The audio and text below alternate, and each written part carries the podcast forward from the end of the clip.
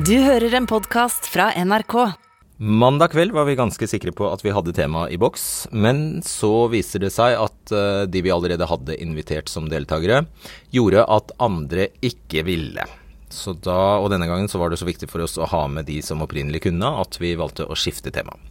Og så kom eh, denne rapporten fra alternativ energikommisjon rekende på ei fjøl, nærmest. Så det var veldig eh, lykksalig for oss, fordi det er et godt tema. Og ikke minst, eh, det er gode deltakere. Det er jo eh, tidligere LO-topper og tidligere Arbeiderparti-topper.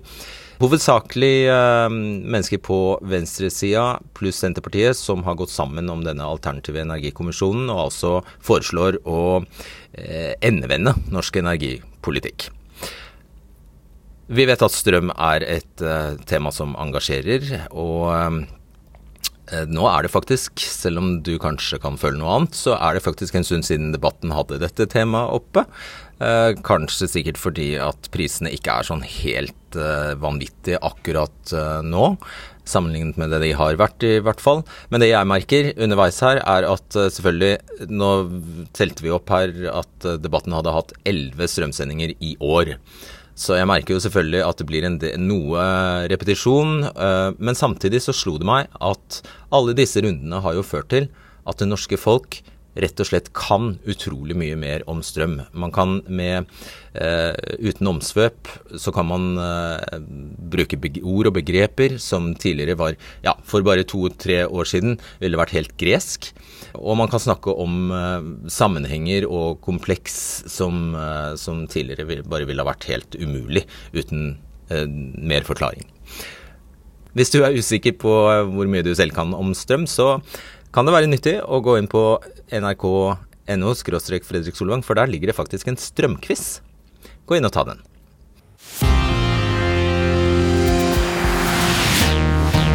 Her er kortversjonen av det du skal få høre fra denne siden av panelet i kveldens debatten. Norge har gitt fra seg det konkurransemessige fortrinnet vi har med billig strøm. Politikerne har overlatt kontrollen over fellesgode vannkraft til kraftprodusenter som selger vannet vårt til høystbydende i et Europa i energikrise. Og på veien tjener strømsalgsselskaper eid av internasjonale oppkjøpsfond med sete i skatteparadiser milliarder på norske strømkunder. Unødvendig høye strømpriser i et av verdens kaldeste land gjør at staten må bruke titalls milliarder på strømstøtte. Strømstøtte gir igjen inflasjon, høyere rente, kanskje til slutt krakk.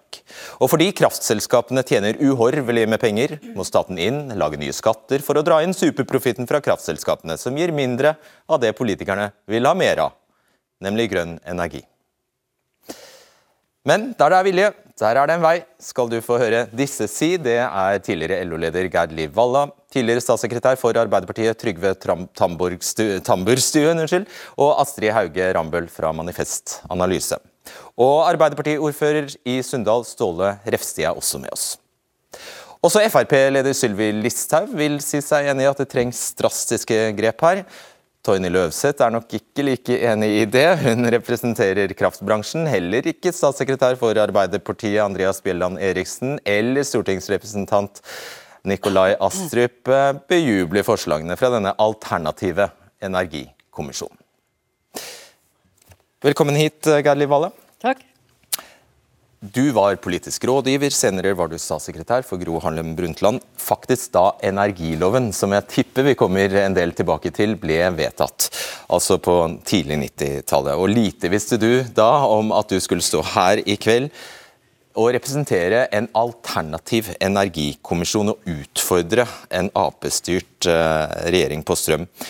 Bare for å klargjøre det først som sist. Regjeringen har altså nedsatt en energikommisjon. Hvorfor sitter du da i en alternativ energikommisjon? Nå var det en gruppe tillitsvalgte i eh, industrien som Industriaksjonen som mente at det var behov for, et, for mer eh, debatt, for mer utredninger rundt eh, strømpriskrisa og i det hele tatt alt som gikk på energien. Så eh, da de spurte eh, om jeg ville være med i det, så syns jeg det var veldig fint. Fordi dette er jo en særdeles viktig sak. Ja, for Hva handler dette om? Ja, I fjor høst så fikk, jeg, så fikk jeg fra folk med full jobb men vanlige inntekter, de kom og var fortvila over at strømregninga deres var dobla, eller til og med mangedobla. Og eh, hvordan skulle, hvordan skulle, de klare dette her? Og jeg tror Vi skal, vi skal hele tida tenke på at det er ikke sånn at uh, vanlige folk med vanlige inntekter har så mye å sette av. Hvis de får, har 2000 i strømregning og får 4000, så kan det bli problematisk. Ikke minst nå med alle andre priser som er høyere. Det var det ene, dette med vanlige folk som ble ramma av, av den, den, disse vanvittige strømprisene. Og så var det jo dette med bedrifter arbeidsplasser, bedrifter som begynte å si at vi går konkurs, vi klarer ikke disse utgiftene her. Og, og uh, frykten for at arbeidsplasser skal gå tapt, er jo noe som ligger i fagbevegelsen sitt uh, gen. Så jeg syns det var spennende å være med på det. fordi at jeg, jeg tenkte har vi virkelig ikke noe vi kan gjøre med dette? Er det bare sånn at vi må, som du viste veldig fint her, må betale eh, milliarder i støtte til folk, så får du inflasjon opp, og så blir det en runddans. Setter banken opp, eh, opp eh, styringsrenta fordi det blir for høy inflasjon. Er det ikke noe vi kan gjøre? Det er jo politikkens vesen at man skal kunne gripe inn og gjøre noe med ting som ikke er bra. Og eh, da syns jeg det var spennende å bli med dette her med mange flinke folk. Og vi har jo da holdt på nå i noen måneder, et halvt år kanskje og komme fram til en rekke tiltak som viser at ja, det kan gjøres nå hvis det er politisk vilje hos regjeringa. Ja, og Det er altså din egen regjering, og du har nå satt din signatur på egentlig forslag som vil endevende det kraftsystemet vi kjenner eh, i dag faktisk. Ja, øh, nå, nå, sa jo du at jeg var på statsministerens kontor da i 1990 når energiloven kom. Og jeg må jo innrømme at allerede da så syns jeg dette var en, et veldig skifte i forhold til at strøm skulle være et velferdsgode og et tiltak som skulle settes inn for å styrke industrien, til å bli en vare. Og øh, det er jo det som har utvikla seg mer og mer til at det har blitt en vare som omsettes for en pris som de som har mest, kan betale. For. Vi er godt forspent på denne siden, for det står en eh, annen tidligere statssekretær ved din side. Det er altså deg, Trygve Tamburstuen. Jeg tror vi skal hjelpe seerne før eh, du skal få forklare hva ja, Vi skal gå litt nærmere inn i noen av de konkrete punktene dere foreslår, eller forslagene dere har. Skal, vi skal hjelpe seerne litt på vei her. Gjøre det litt enklere å henge med. Vi har plukket ut de fire viktigste kravene som eh, denne kommisjonen kommer med. Nummer én norsk kraft frikobles fra det europeiske strømprissystemet. Høres antagelig enklere ut enn det er. Nummer to. Norge skal ha full kontroll over hva som går inn og ut av kablene. Nummer tre lyder Norge skal ha full statlig styring over innenlands kraftomsetning. Og det vil si at strømsalgsselskapene og Nordpol fjernes. Og nummer fire Norsk strømpris skal baseres på hva det faktisk koster å lage og frakte strøm. Sier altså dere, Tamburstuen. Og hele Ideen bak dette felles eh, kraftutvekslingssystemet i Europa vet du jo veldig godt er nettopp at kraften skal flyte fritt, i så fritt som mulig i Europa for å utnytte en sårt tiltrengt ressurs, nemlig energi, på aller beste vis. Og Hvorfor skal da Norge koble seg fra dette ganske så ja, geniale systemet? Det er to forhold. Det første er at norsk kraft som handles i det europeiske markedet, utgjør under 1% av handelen i dette markedet. Det er altså en liten skvett som fører til at vi importerer europeiske priser gjennom det auksjonssystemet som eksisterer i dag, hvor en hver dag har en auksjon og får inn de høyeste strømprisene som det er mulig å få tak i på en kilowatt et eller annet sted i Europa, produsert på gass eller på kull eller på atomkraft. Den, det er den prisen vi må betale i Norge.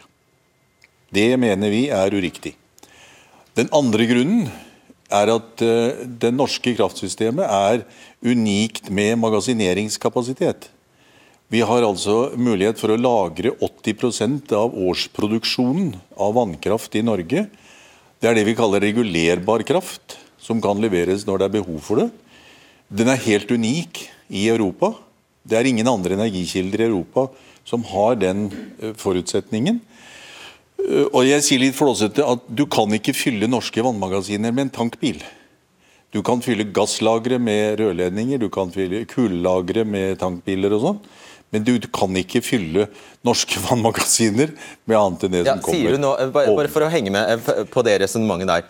Du sier jo både at vi er spesielt heldige, takk, for at vi har denne eh, ressursen som bare kommer og, og, og legger seg i magasinene våre. Nesten ingen andre land har det. Men så sier du samtidig at overfor EU så skal vi gå hen og si vi er veldig uheldige fordi vi er helt prisgitt eh, han der, han der oppe Nei. for når vi har strøm. Nei, jeg sier vi er helt annerledes. og Derfor må vi behandles annerledes enn andre energikilder. Ja, Er vi heldige eller uheldige? Som er sauset inn i dette felleseuropeiske frimarkedet. Som har ført til disse prisene som vi nå ser, av mange grunner. Greit. Eh, Astrid Hauge Rambøl, du er altså utreder i Manifestanalyse og medlem i Alternativ energikommisjon. Vi kan ta dette. Dere vil altså, ja, Nå hopper jeg litt. Vi tar punkt tre. Det handler altså om at dere vil koble oss Dere vil legge ned denne kraftbørsen. Nordpol skal bort. Vi mener i hvert fall at eh, altså det er det som er det grunnleggende problemet med prissystemet Eh, i dag, det at eh, norsk vannkraft eh, prissettes på denne internasjonale strømbørsen. Og Det gjør jo at vi må konkurrere med tyske, britiske kraftmeglere, og at prisen her blir utrolig høy, selv om det er veldig billig å produsere kraft her. Og De som tjener på dette, det er jo kraftselskapene, strømselskaper, direktørene der, eh, som tjener utrolig mye penger på å selge en vare alle kjøper uansett. Og de som taper på det, er jo næringsliv og privatpersoner og eh, ja, det norske forbrukere og næringsliv. Skjønner, så Hvis vi ikke har en børs der dette omsettes, og der hele poenget, som du, du kaller det en auksjon, men der hele poenget er at tilbud og etterspørsel skal møtes, eh, faktisk, hva skal da erstatte det? Nei, altså, vi foreslår jo at det skal være basert på kostpris, da, eh, der man tar eh, prisen det koster å produsere kraft, og så skal det legges på noe for eh, vedlikehold og eh, altså få strømmen levert ut der den skal. Eh, men, og Det vil jo si at man da går vekk fra at prisen styres eh, på et marked der man har priser som er veldig mye høyere enn i Norge. Så norske vannkraftverk skal kunne tjene bare bitte litt? Ja, at de skal tjene nok til å eh, drifte eh, og sørge for at det er god forsyningssikkerhet eh, i Norge. Og da kommer vi egentlig, Det er naturlig å da snakke om disse kablene, som etter utenlandsforbindelsene, som etter hvert har blitt eh, veldig mange og kjempesvære. Og som da gjør at vi trenger ikke å eksportere veldig store mengder for å få den europeiske prisen. Dette tror jeg vi har skjønt nå. Få den europeiske prisen tilbake, Gerd Liv Valla. Eh, hva skal skje med disse kablene, har dere tenkt? Ja, altså, Jeg var litt usikker her i stad om du sa at vi skulle koble oss helt ifra, for det er ikke AIK sitt forslag. Nei, jeg sa ikke det. Ja, nei. nei. Eh, men jeg, jeg syns det er viktig å presisere, for det er mange som sier at ja, de skal kutte absolutt eh, alle forbindelser. Det skal vi ikke. Men vi skal ha det som kalles utvekslingskraft. Vi skal ikke ha eksportkraft. Nå eksporterer man det man kan, fordi man får så høye priser. Og Det er det vi vil uh, gå bort fra. Og, og igjen, krafta var ikke tenkt i utgangspunktet som noe man skulle tjene penger på, men det skulle være et velferdsgode, og det skulle være noe som gjorde at industrien i Norge hadde et fortrinn eh, som vi jo trenger. Vi har ikke så mange andre fortrinn oppi det kalde eh, landet vårt. Og da, Hvordan skal dette skje, faktisk? Hvordan skal staten som dere skriver, styre utveksling av strøm og salg av overskuddskraft? For Det er bare i det tilfellet at vi har overskudd at dere mener vi skal sende noe ut. Hvordan skal det skje?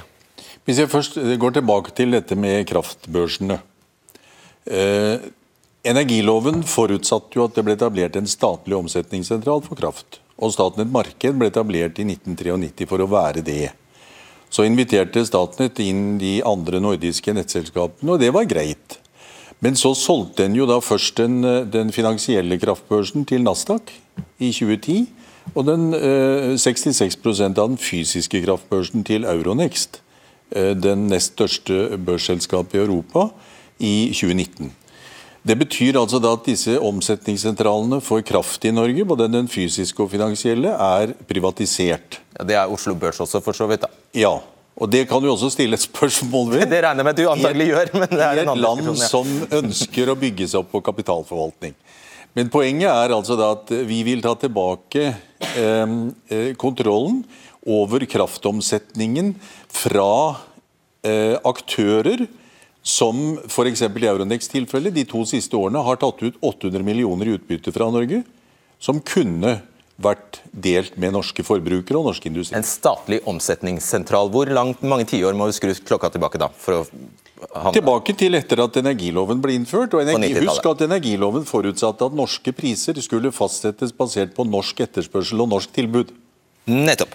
Ok, Vi må prøve å få Her er det mye å debattere, faktisk. Jeg tror jeg starter med deg, statssekretær. Nåværende statssekretær fra samme parti eh, som disse her i Olje- og energidepartementet, Andreas Bjelland Eriksen. Vil du ta kortversjonen av hvorfor disse tar feil?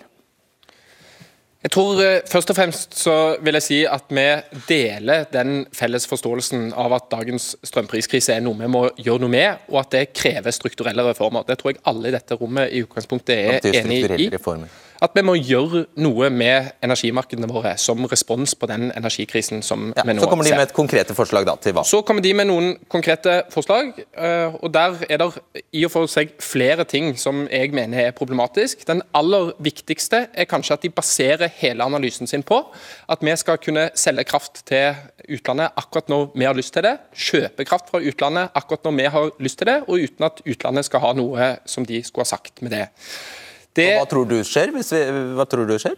Eh, hvis vi skulle begynne å bruke utvekslingskablene våre på den måten, så ville jo utvekslingskablene våre, i motsetning til det Gerd Liv Valla mener, bli rene eksportkabler, faktisk. Som vi ikke kan basere vår forsyningssikkerhet på. Og det kan man selvfølgelig velge. Men da velger vi også et system der vi enten må begynne å rasjonere mye oftere, eller bygge masse ekstra kraftproduksjon som står ledig i de Han aller, aller fleste egentlig det han sier, er at han tror ikke noen eh, vil, vil ha interesse av å sende strøm til oss når vi trenger det. Eh, Det tror jeg. Jeg tror at Norge har en, eh, en veldig sterk posisjon. Vi har en sterk posisjon i og med at vi nå er den viktigste gassleverandøren i, i Europa. Og, og, og jeg har erfaring med avtaler. Det er ikke sånn at én part eh, syns at det er greit om den andre parten går eh, dukken. Eh, Sånn er det ikke i avtaleverden. Så jeg tror at utmerket godt lar seg gjøre at vi setter oss ned med de vi har gått avta- inngått avtale med, og sier at her har vi faktisk et problem. Vi har et problem som er såpass stort at det kommer inn under det som kalles allmenne uh, problemer i EØS-avtalen. Og i hvert fall så må vi prøve det. Og det er min utfordring til regjeringa. Dere sier at nei, vi, vi kan ikke, men uh, prøv nå. Ja, har dere Eh, prøv. prøvd? Jeg, jeg vil jo si at vi har en fortløpende dialog med EU, men det å skulle bruke gass som et pressmiddel mot Europa i den situasjonen vi er i nå, det er det andre som prøver på. Det bør ikke Norge drive med.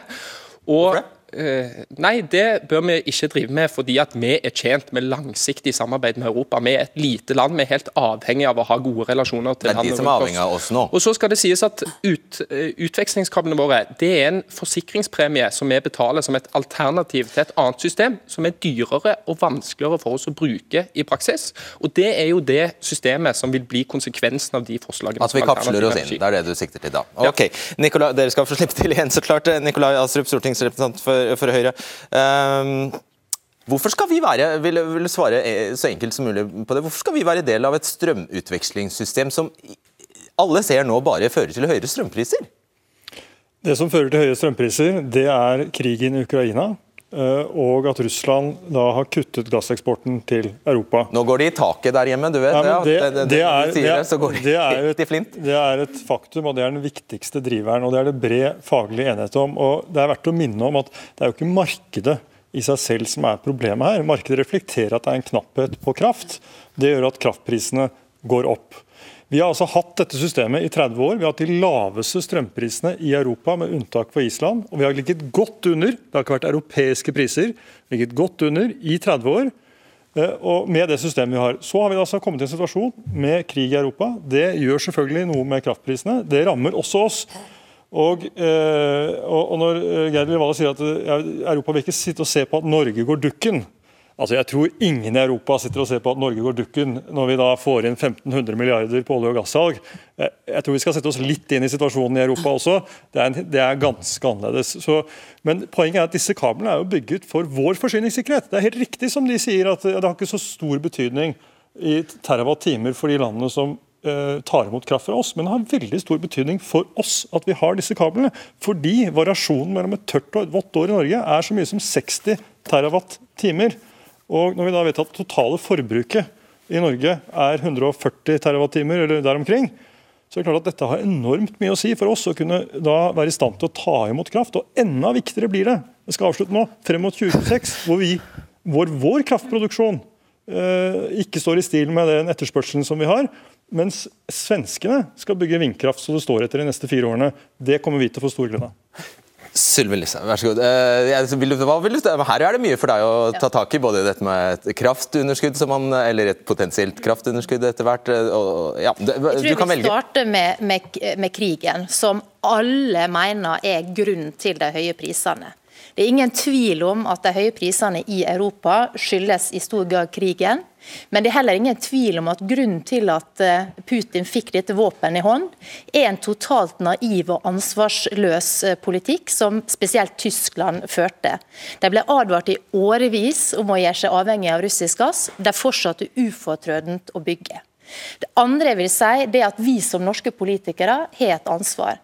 Vi bygde to kabler som økte kapasiteten for eksport med 45 Det er bare å gå inn og se på grafene, så ser du at idet disse to kom i drift, så steig prisene betraktelig. Og Hvis det var sånn at ikke de hadde noe med saken å gjøre, så lurer jo jeg på hvorfor i all verden er det så billig strøm i Midt-Norge og Nord-Norge, mens Sør-Norge blør? Så eh, vi har plassert deg på feil side, er det det vi har gjort? Nei, altså Vi er enig i noen av forslagene. Og vi syns det er bra at Til kommisjonen? Ja, f.eks. dette med å ta kontroll på kablene. Helt nødvendig, og vi foreslo det allerede for et år siden. Det ble stemt ned på Stortinget. Vi ønsker å begrense eksporten. Vi ønsker å sette krav til magasinfyllinga. Eh, vi ønsker rett og slett å, å, få kontroll over dette. Det ble nedstemt. Så er det andre ting vi ikke er enig i. fordi eh, Vi er jo enige om at dette markedet har historisk eh, gitt lave priser i Norge. Men det var før vi kom i den situasjonen at vi åpna de to siste kablene. Og Det er derfor vi som politikere i Norge må ta ansvar for det. For dette handler om framtida vår, for industrien vår, arbeidsplasser og for folk. Vi bor i et kaldt land, og da må vi sørge for å ha levelige priser. Egentlig er det din tur nå, Tone eh, Løvseth, men jeg skal bare si eh, fordi det, ja, det er din tur. Men så er det sånn at vi har med oss, en, vi har med oss Nordpol fra Riga, og jeg vet at han har veldig dårlig tid. Så hvis du er høflig, så lar vi han kommer til orde nå, før, før, før, du slipper til. Um, og det er eh, deg, Hans Randen, heter du. Du er direktør for myndighetskontakt i kraftbørsen Nordpol, og er med på oss, oss, fra Latvia. Uh, ja, Egentlig så foreslår altså denne alternative energikommisjonen å legge deg og dere helt ned. Hva vil bli konsekvensen det, av det? Nei, for første så må Jeg si at jeg har ikke fått lest hele rapporten, så må jeg ta litt forbehold. Men eh, det jeg har hørt nå, er jo litt at vi trenger en markedsorganisering. Om det er en børs à la i dag, eller om det er en børs eh, under en mer statlig kontroll, det kan vel diskuteres. Men jeg tror også det er viktig å se at vår rolle det er å organisere markedet. Og Det markedsdesignet og det som vi har hatt nå eh, de siste 30 årene, som også blir sagt, det har tjent Norge veldig bra. Og jeg tror Det vi trenger å diskutere nå, er jo hvordan vi kan videreutvikle dette framover. For også at vi skal fortsette å kunne tjene både norske forbrukere, industri og eh, produsenter på en god måte framover. Uh, hvis denne kommisjonen skulle fått gjennomslag for sitt forslag om egentlig å legge ned børsen, legge ned, uh, legge ned strøms... ja, legge ned børsen kan vi ta i første omgang her og i stedet overføre ansvaret til en, en, en statlig instans. Hva, hva, vil skje da med selve markedet? Det er jo helt avhengig av hvilken form for regulering. Det er, altså hvis det blir en omfattende regulering, så vil jo det bli en helt annen organisering enn det vi har i dag.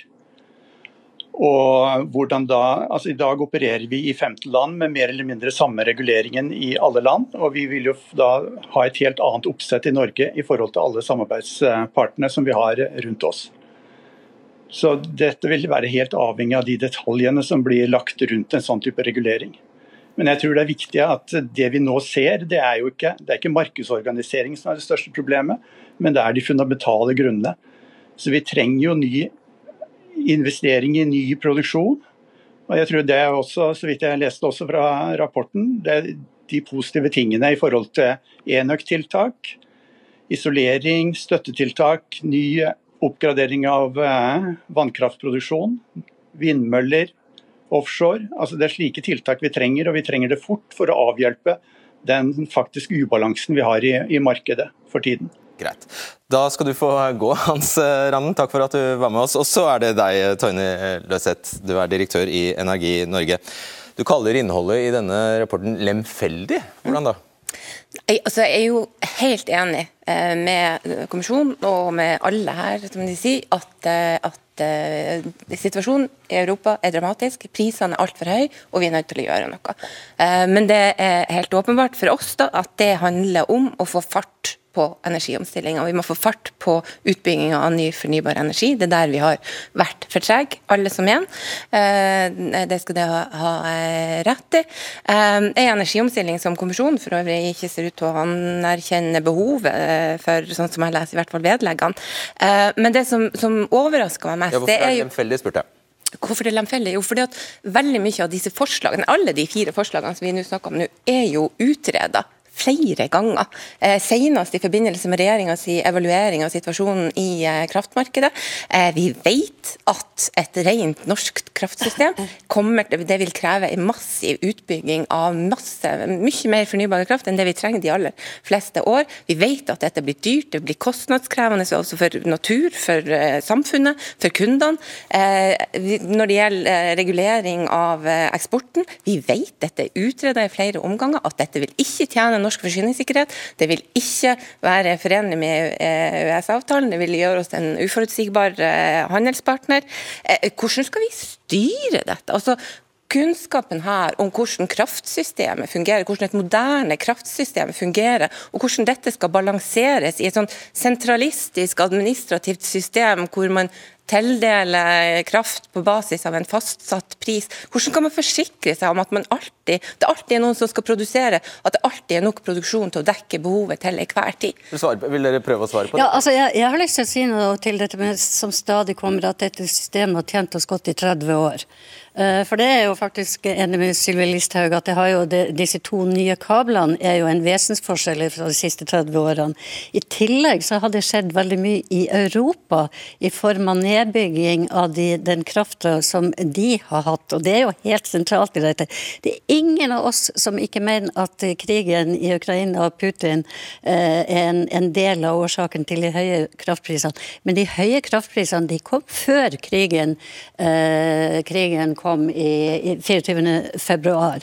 Og, og, dette må vi eh, så, så, Og så sier, sier, du fra statssekretær fra Arbeiderpartiet at eh, vi skal ikke bruke gassen som et press. Nei, vi kan ha en styrkesituasjon i mange forhandlingssituasjoner uten at vi eh, bruker det som press, men det vil faktisk være forståelse for, for vår situasjon. Og Så håper jeg at vi kommer inn på det som vi virkelig òg vil ha bort, og det er alle disse selskapene som driver og selger kraft, og tjene seks milliarder på, eh, på, å tilby ja, deg og meg dårlige avtaler. Ja, det er også deg. Alt som er vondt, alt som er galt her ja. i verden, ja. Det er meg. Eh, skal, skal jeg svare direkte på det? Skal jeg svare på, på, på strømselskapene? Strømselskapene gjør faktisk en ganske viktig jobb. Og det er ikke sant at man nå Det er ikke strømselskapene som tjener på denne situasjonen. Det er ganske tøft å være strømselskap nå og legge ut for strømregninga til norske forbrukere halvannen måned, og jevne ut de ubalansene i et veldig fluktuerende marked, så det, de tjener ikke veldig mye penger nå. Men det er en ordinær helt alminnelig tjeneste, på lik linje med finansielle tjenester eller eh, teletjenester. Og det å forby det, rent sånn prinsipielt, det å forby en helt ordinær tjeneste, det er ganske inngripende tiltak som vil stride mot den frie etableringsretten, norsk lov og i hvert fall EØS-avtalen. Kort, Prøv å være, være, så konkret som mulig. Hun spør egentlig hvordan skal dette gå til? Det er et fullstendig unødvendig ledd i verdikjeden. De tilfører ingen verdi. De fakturerer, og de fakturerer ofte tjenester som ikke har noe med strøm å gjøre. Og De fører altså til at de har en eh, fortjeneste i fjor eksempel, netto på 6 milliarder, som går rett ut av lommene på oss brukere. Det er helt unødvendig i verdikjeden, på samme måte som disse kraftbørsene, som altså tar ut store penger som burde gått til forbrukerne. Makten i dette markedet er flyttet fra forbrukere, brukere, til kraftprodusenter og mellomledd.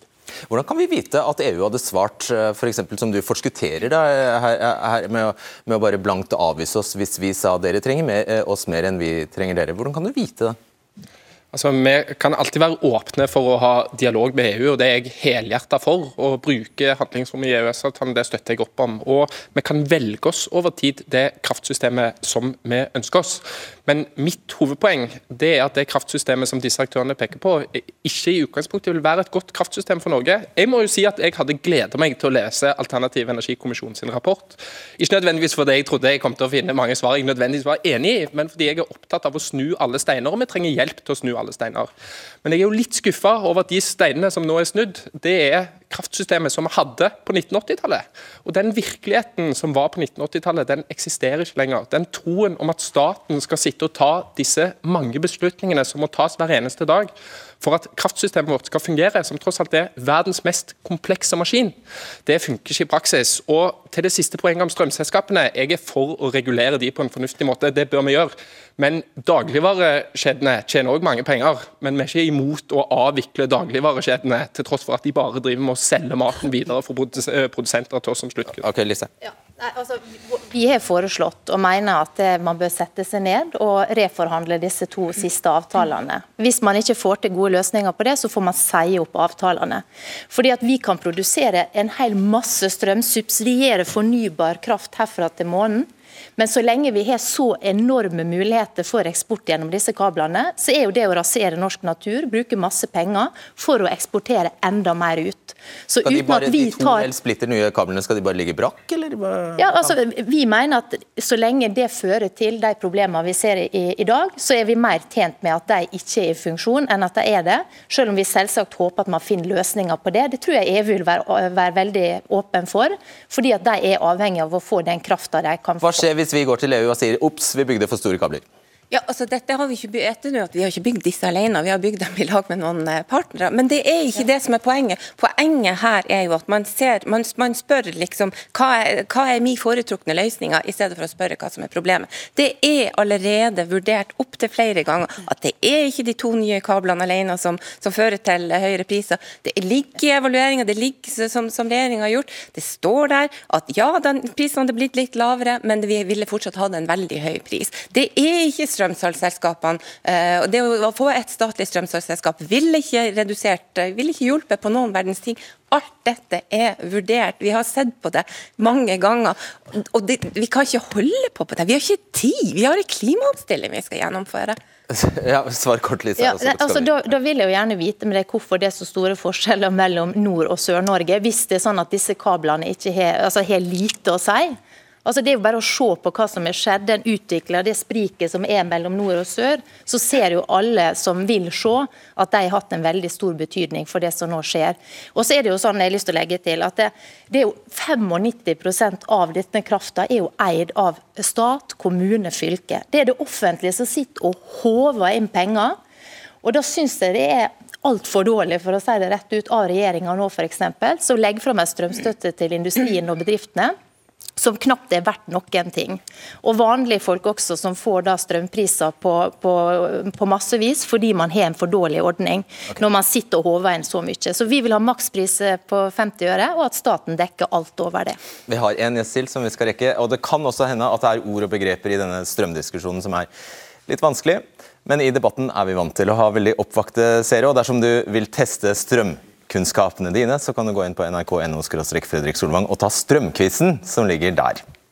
Da skal vi si uh, god kveld til uh, Ståle Refsti. Du er ordfører for Arbeiderpartiet i Sunndal kommune i Møre og Romsdal. Også medlem i Alternativ energikommisjon. Og du styrer en kommune med Europas største aluminiumsverk, Hydro Aluminium i Sunndal.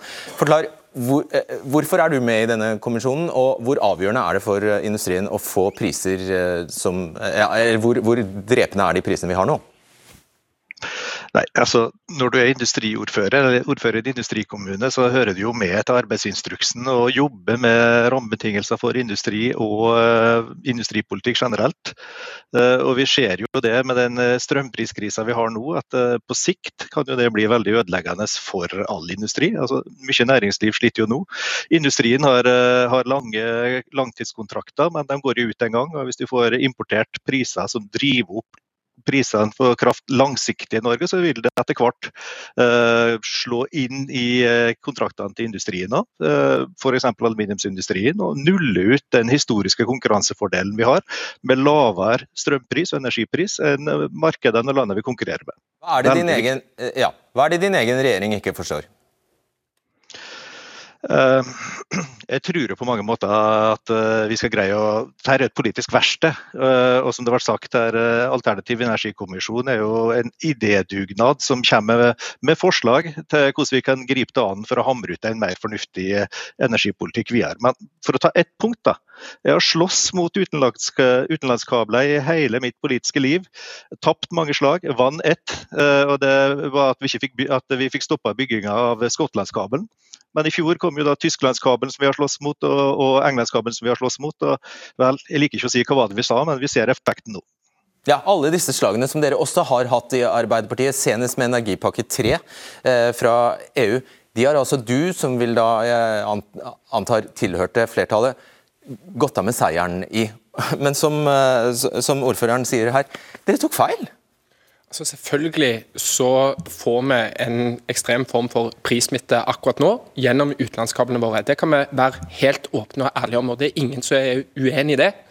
Og I et normalår så kunne man jo kanskje tenkt seg at da, i hvert fall på kort sikt, var problemet løst ved å kutte kablene, så var vi ferdige med det. Men når man har sett at det fra august i fjor til august i år var det tørreste året i Norge hydrologisk sett, Sør-Norge, på 21 år, så hadde det vært en dårlig løsning for oss og for uforutsigbarheten til eh, industrien. Da har jeg troen på at vi har funnet en kombinasjon av kortsiktige tiltak. Strømstøtteordningen, som altså er den mest omfattende i Europa, at den reduserer regningen for en gjennomsnittshusholdning i Sør-Vest Vest-Norge fra 70 til 35 000 kroner. Det betyr ikke at prisene fortsatt ikke er høye for mange, men, men, det betyr at vi virkelig bidrar. Og I tillegg så har vi altså grepet direkte inn. Vi har sagt til kraftprodusentene at de må husholdere på vannet, spare på vannet til vinteren. Så jeg er på en måte uenig med de som ikke legger til grunn at ikke regjeringen tydelig har grepet inn. Det har vi. Og så jobber vi òg med å utvikle den langsiktige energipolitikken. Hva slags premiss er det kommisjonen legger til grunn her, at eh, denne strømkrisen aldri, eller denne energikrisen aldri tar slutt? Og at man må drive med strøm, strømstøtte til evig tid? Jeg var veldig glad for å høre statssekretæren si at eh, de er innstilt på strukturelle tiltak. For dette er en strukturkrise, en systemkrise. Vi er nødt til å gripe inn i strukturene. Så jeg har lyst til å gi en faktaopplysning. Vi har altså drevet utveksling av kraft gjennom mellomlandsforbindelser i 60 år nå. Jeg så statistikken. Eh, I løpet av 62 år så har 50 år vært preget av nettoeksport. 12 år er nettoimport. Slik at En skal ikke synes jeg, bruke argumentet om at vi ikke kommer til å få tilstrekkelig med forsyningssikkerhet liksom fra andre hvis vi reforhandler disse avtalene. Og I forhold til Storbritannia, som ikke er medlem av EU engang, har vi veldig sterke forhandlingskort ved at vi kan levere med vår regulerbare kraft den eh, fastlasten eh, som det er mulig for dem å bruke i forhold til den kraftige utbygginga av vind og sol som nå gjøres i Storbritannia. Skal Astrup få svare på det med at det skjer utrolig sjelden at Norge trenger å importere? Vi hadde en kraftkrise i 2010. og Da hadde vi skyhøye strømpriser i Midt-Norge. Eh, priser opp på 14-15 kroner i enkelttimer. Eh, da ble det satt ned en, ikke en alternativ energikommisjon, men en ordentlig energikommisjon. og uh, Marit Arnstad var nestleder i den. Eh, Lars Haltbrekken satt der. De konkluderte med at vi måtte bygge flere kabler til land utenfor Norden for å trygge vår forsyningssikkerhet. Fordi Poenget er jo at vi måtte hatt, uten disse kablene, så måtte vi hatt overskudd som hadde gått til spille. Som hadde rent over og ut til havet uten at det hadde kommet til nytte i det hele tatt. I alle de årene vi eksporterte. For å ha nok i de tolv årene hvor vi virkelig trengte det. Og det er jo poenget. Ikke sant? Og så, eh, vil jeg bare si også at Dette har jo ingenting med EU å gjøre. Altså Storbritannia er ikke medlem av EU. Og det er heller ikke myndighetene i Storbritannia som drifter den kabelen fra britisk side. Så eh, vi må nyansere litt. Men det største problemet er at det de foreslår, kommer til å føre til mer rasjonering av kraft. Fordi kraftselskapene får ikke noe insentiv til å spare på vannet på høsten, slik at vi har nok gjennom vinteren. Så Vi risikerer altså at vi, eh, industrien eh, må stenge ned pga. det systemet som disse foreslår. Så Det er svært uheldig for Norge. Og antagelig ikke det dere ønsker opp. Nei, absolutt ikke. Men det er heller ikke det som eh, blir foreslått, at det ikke skal være noe eh, eksport. Altså, jeg tror alle her... Dere sier jo at det skal være kostpris som ligger til grunn. Da betyr det at du fjerner prissignalet for å holde igjen vann når det er, det er nødvendig. Eh, og du vil rett og slett bare produsere Men det er jo mekanismer i forhold til å holde igjen vann. Når du, du, Alle konsesjoner har jo ja, bestemmelser om minstevannføring. Ja, men det, dette handler jo ikke om minstevannføring. Da må du også regulere hvert enkelt av Norges 1000 vannmagasin. Og det å tro at staten er bedre på å løse dette enn andre, det overrasker meg. Da kan man stille spørsmål hva skal vi med banker? Kan vi ikke ha en, en norsk statsbank som kan styre det, så ikke vi risikerer at det er noen som blander seg opp i det? Hva skal vi med dagligvarekjeder? Altså, det er jo en tro på at staten løser dette best, som er helt eh, parkert på 1970-tallet. og Det må vi bare legge bak oss og gå, se videre. og Vi må bygge ut mer kraft. Det er det som kommer til å løse denne krisen. Ja, da kan vi jo spørre sånn, Nå er det markedet som styrer, og hvordan syns du det går? Jeg syns det går veldig dårlig. Det er knapphet på gass. Markedet reflekterer at det er, det er energi... Det, Nei, det, være det er jo ikke markedet i seg selv som er problemet. Det reflekterer rett og slett at vi har mangel på noe. Da går prisene opp. Vi har ikke mangel på strøm i Norge. Det er en energimangel i Europa, og pga. tilkoblingen så får vi også eh, prissmitte inn til Norge. Vi har ikke for lite kraft, og det er ingen her som foreslår at man skal stoppe utveksling og stoppe eksport. Jeg tror alle her er enige at vi skal eksportere det som er overskuddet vi har i Norge. Problemet er at når man har så fri flyt, og spesielt selvfølgelig denne strømbørsen, at prisen på norsk strøm settes på en internasjonal strømbørs, så slår det inn over Norges land, og det tar knekken på industrien vår. Det, og Da sier eh, statssekretæren at eh, vi gjerne vil gjøre noe strukturelt, men man undersøker jo ingen eh, faktiske strukturelle grep. Man flikker med markedsløsninger med å gi kompensere med strømstøtte, til bedrifter, til husholdninger, som selvfølgelig letter børen litt, men det kan jo ikke være en varig løsning at vi skal ha en sånn kreve inn enorme summer og så betale ut enorme summer. Så jeg lurer på hva er de grepene man vil ta for å faktisk gjøre noe med strømprisen i Norge? Så glemmer jo at EU sjøl sier at det systemet vi har for kraftomsetning er dysfunksjonelt. Så vi må jo kunne gå like langt som EU i å si at det systemet vi har ikke er funksjonelt. Hvis du klarer deg på tre sekunder, for det er bare det vi har. Ja. Ingen er uenig i at vi skal videreutvikle, ingen er enig i at, uenig i at vi skal reformere. Men vi skal ikke reformere oss tilbake til fortiden, og det er det dette forslaget legger opp til. Vi burde reformere oss tilbake Nei. til en tid hvor strøm er et velferdsgode for mennesker i det svarteste og mørkeste landet i Europa. Og hvor det er en konkurransefaktor for industrien. Nei, men Alt går så meget bedre nå. Det gjør det ikke. Nå får jeg streng beskjed. Nå får jeg streng beskjed. Nå er det over. Debatten er tilbake torsdag. På gjensyn. Jeg kan avsløre så mye som at mitt resultat av denne strømkvisten var ganske middelmådig. Jeg fikk seks av ti rette. Det er jo flaut. Så jeg går hjem og skammer meg og leser meg opp på strøm, tror jeg. Jeg håper dette var uh, informativt. Det er selvfølgelig begrenset uh, hvor mye man rekker på 40 minutter, og det her var det ganske mange deltakere. Snakkesalige deltakere også. Jeg tror trøsten får være at uh, det ikke var siste strømsending. Ok. Takk for at du hører debatten på podkast, og så høres vi. Ha det. Du har hørt en podkast fra NRK. De nyeste episodene hører du først i appen NRK Radio.